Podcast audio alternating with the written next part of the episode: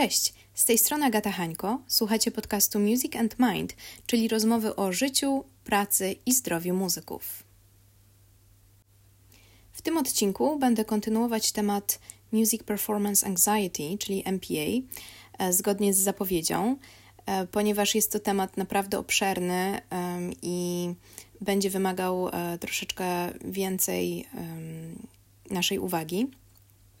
Dlaczego? Ponieważ e, uważam, że jest on niezwykle istotny nie tylko ze względu na to, że wpływa na jakość naszej pracy, ale też może mieć e, różne skutki, negatywne skutki na, i odbić się na naszym zdrowiu psychicznym i fizycznym. Także mam nadzieję, że zgłębiając wiedzę, swoją świadomość w tym temacie, będziecie mogli zadziałać, jeśli e, widzicie u siebie taką potrzebę.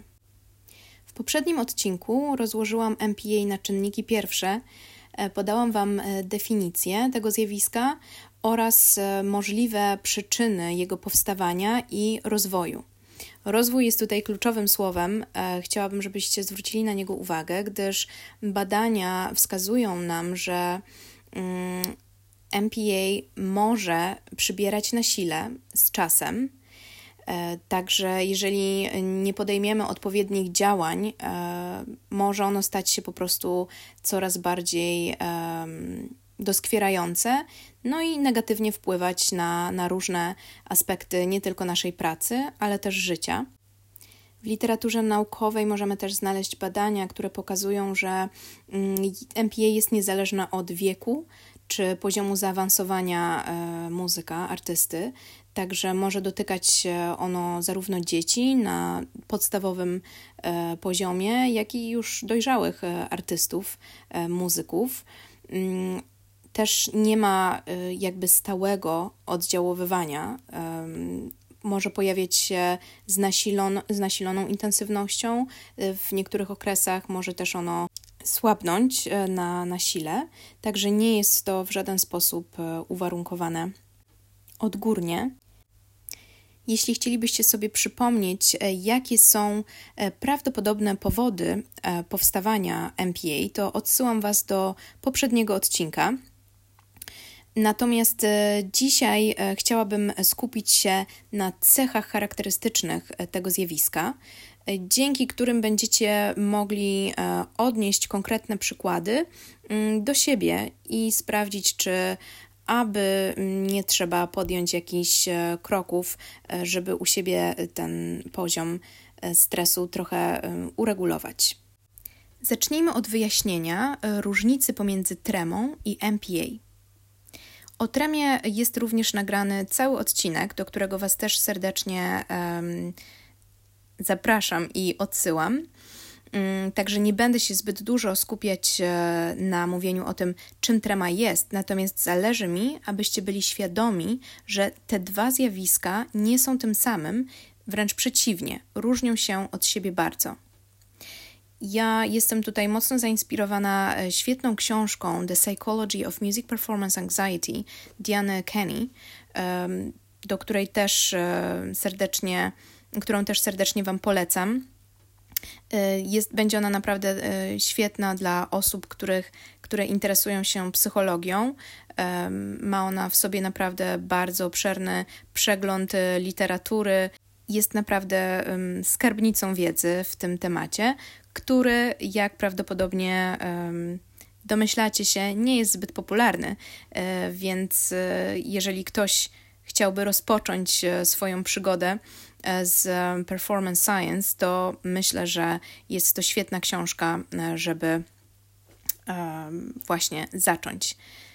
Wracając do różnic między MPA i tremą, e, chciałabym, e, skupiając się na MPA, wskazać Wam kilka cech charakterystycznych dla osób borykających się z takimi podwyższonymi już poziomami tego zjawiska. I myślę, że zrobię to w formie kilku e, podpunktów. Więc podpunktem pierwszym są e, myśli, negatywne myśli. Co ważne, myśli, które pojawiają się nie mm, zaraz przed występem, co może być e, przypadkiem tremy, bo mm, pewnie z doświadczenia wiecie, że w dzień występu lub y, zaraz przed wejściem na scenę, no czasem y, pojawiają się wątpliwości, czy właśnie jakieś y, myśli, które podpowiadają nam, że nie uda się, a co jeśli zapomnę tego czy tamtego. Natomiast jest to normalne i to jest bardzo częste mm, u, u, osób, które występują nawet regularnie na scenie. Natomiast w przypadku MPA takie negatywne myśli pojawiają się dużo wcześniej, nawet w momencie, kiedy my w ogóle otrzymujemy propozycję koncertu, albo dostajemy termin egzaminu, albo y, jest y, nawet jakaś bardziej taka y, rozmowa na ten temat, a my po naszym ciele odczuwamy już napięcie, w naszych myślach pojawiają się e, zwroty takie jak e, nie dasz sobie rady, e, to będzie za trudne, e, ośmieszysz się, no, jakieś takie katastroficzne same scenariusze. To jest bardzo charakterystyczne właśnie dla mm, MPA. Ogólnie rzecz biorąc, są to myśli zupełnie nieadekwatne i jakby nieracjonalne, nie mające żadnego e, podłoża e, do, do tego, aby, aby móc się pojawiać i aby móc e, być prawdziwy. Kolejny podpunkt to niechęć do e, rozmawiania na ten temat, do takiego prawdziwego rozwinięcia mm, tego mm, tematu wśród e, czy nauczycieli, nauczyciela, profesora, czy, czy znajomych. Mm, to jest e, osoby, które właśnie cierpią na taki wysoki poziomy tego stresu, raczej chowają to, ukrywają w sobie tworząc tak naprawdę per, pe, pe, pewną formę e, wyparcia, myśląc, że jak e, nie będziemy się na tym koncentrować, to e, po prostu to jakoś ustąpi. Co niestety nie jest często mm, możliwe, ponieważ no, z psychologii myślę, że, że wiadomo też, jak działa wyparcie, że te myśli negatywne, emocje i wszystko, co się wokół tych myśli tworzy, one nie znikają, one po prostu gdzieś lokalizują się i najczęściej wybuchają w, jakiś, w jakimś momencie mm, nasilonego e, stresu. Więc nie jest to e, dobrym rozwiązaniem, natomiast jest to cechą charakterystyczną MPA. Kolejna sprawa to um, wycofanie e, tych. Um, wycofanie ogólne, tu mam bardziej na myśli, e, natomiast chciałam powiedzieć wycofanie tych myśli i prze, przerobienie ich e, w działanie. W działanie e, bym powiedziała, takie kompulsywne wręcz, czyli ćwiczenie godzinami, pomimo zmęczenia, pomimo niechęci, pomimo zmęczenia fizycznego i psychicznego, ale chcemy dać z siebie wszystko, chcemy, żeby tym razem się udało, nie chcemy się ośmieszyć. E, przecież wiemy, że możemy to zrobić, e, ale no, coś nas powstrzymuje. Chcemy sobie udowodnić po prostu, że, że da się, że chcemy być e, lepsi. Co z kolei prowadzi do kolejnego podpunktu, czyli e, ogromnej presji. Takiej presji wywoływanej przez samych siebie. I chciałabym, żebyście zauważyli, że ten cały dramat, o którym ja tu teraz mówię, on odgrywa się w naszej głowie. I to, co w naszej głowie, później e, dzieje się w świecie realnym.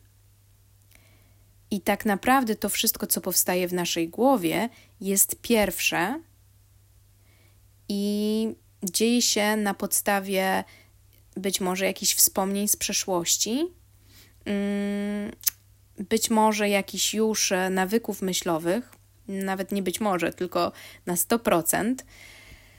E, ale pozytywną informacją w tym wszystkim jest to, że mamy na to duży wpływ, na zmianę tego.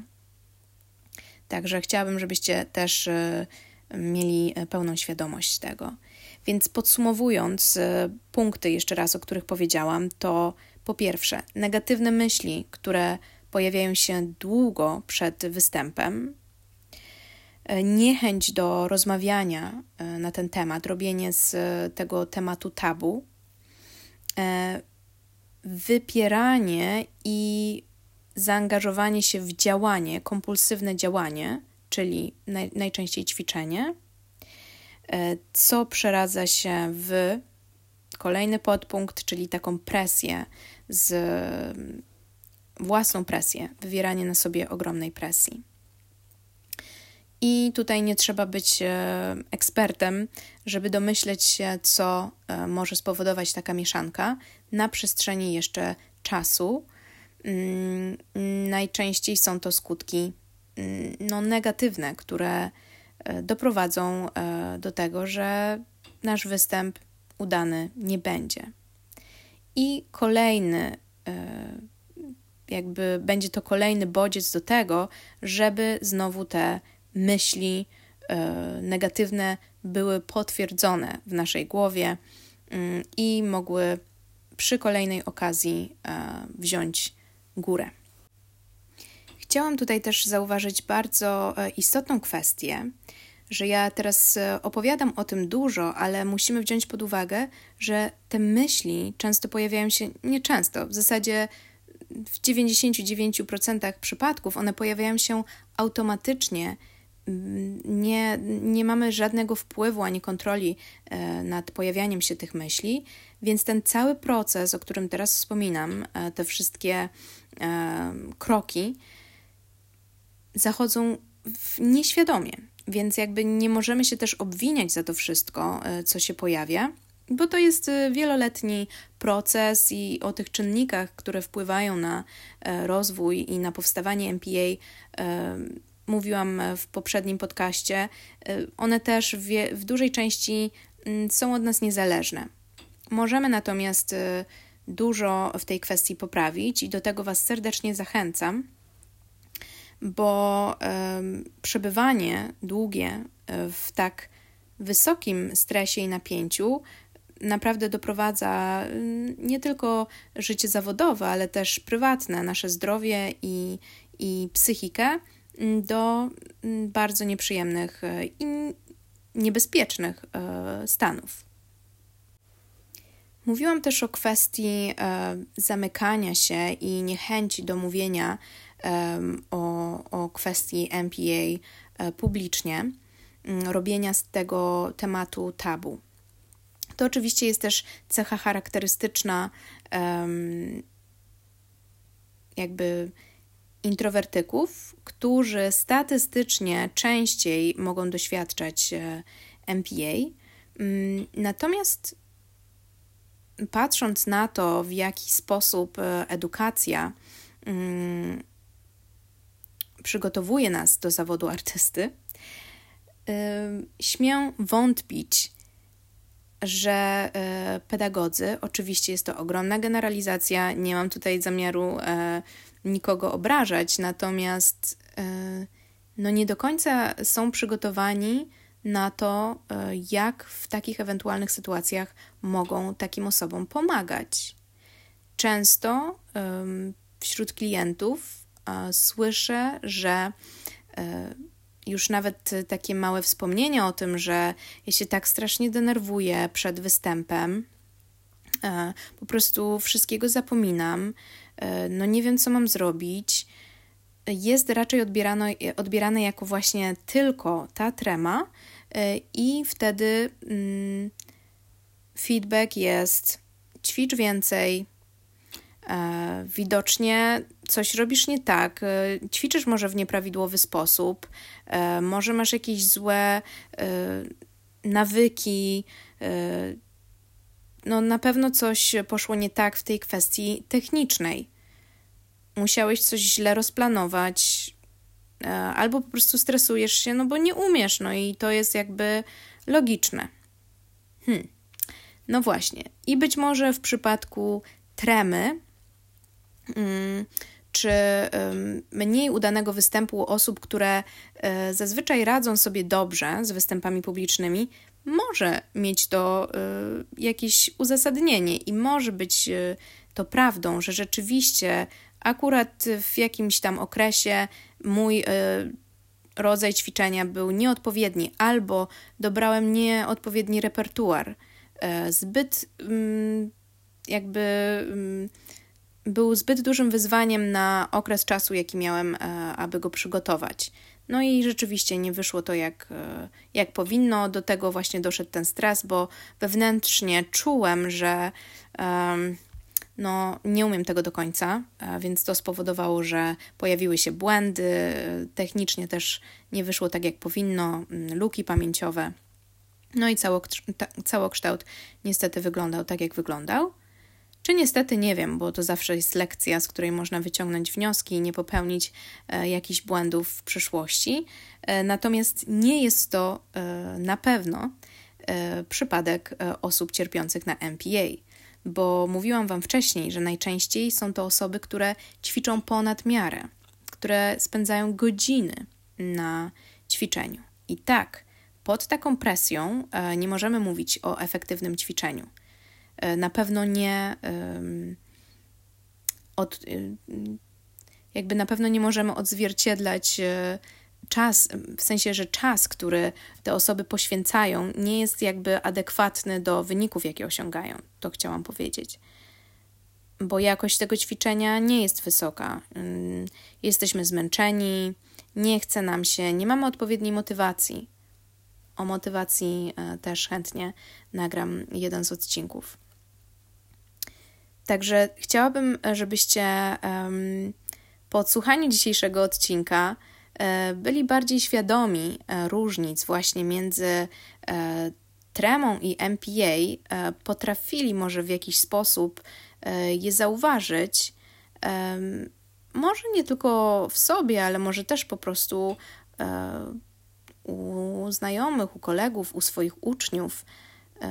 I i porozmawiali na ten temat, bo czasem bardzo prosta rozmowa wystarczy, żeby znaleźć jakieś wspólne rozwiązania, żeby osoba, która ma z tym problem, poczuła się zrozumiana, żeby mogła ściągnąć ze swoich barków ten balast, um, który nosi w swojej głowie, który spuchł um, w efekcie niewypowiadania go na głos, bo do tego um, często też właśnie doprowadza takie wypieranie i, i mielenie tego tematu e, w sobie.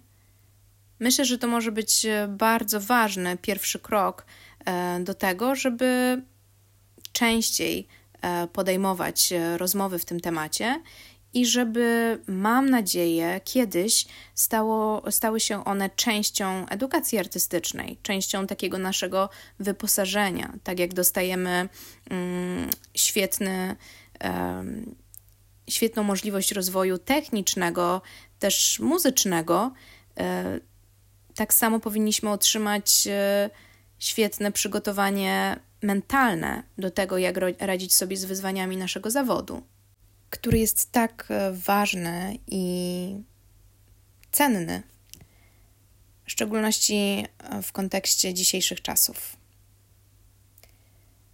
Pozdrawiam Was serdecznie, życzę powodzenia i mam nadzieję do usłyszenia w następnym odcinku.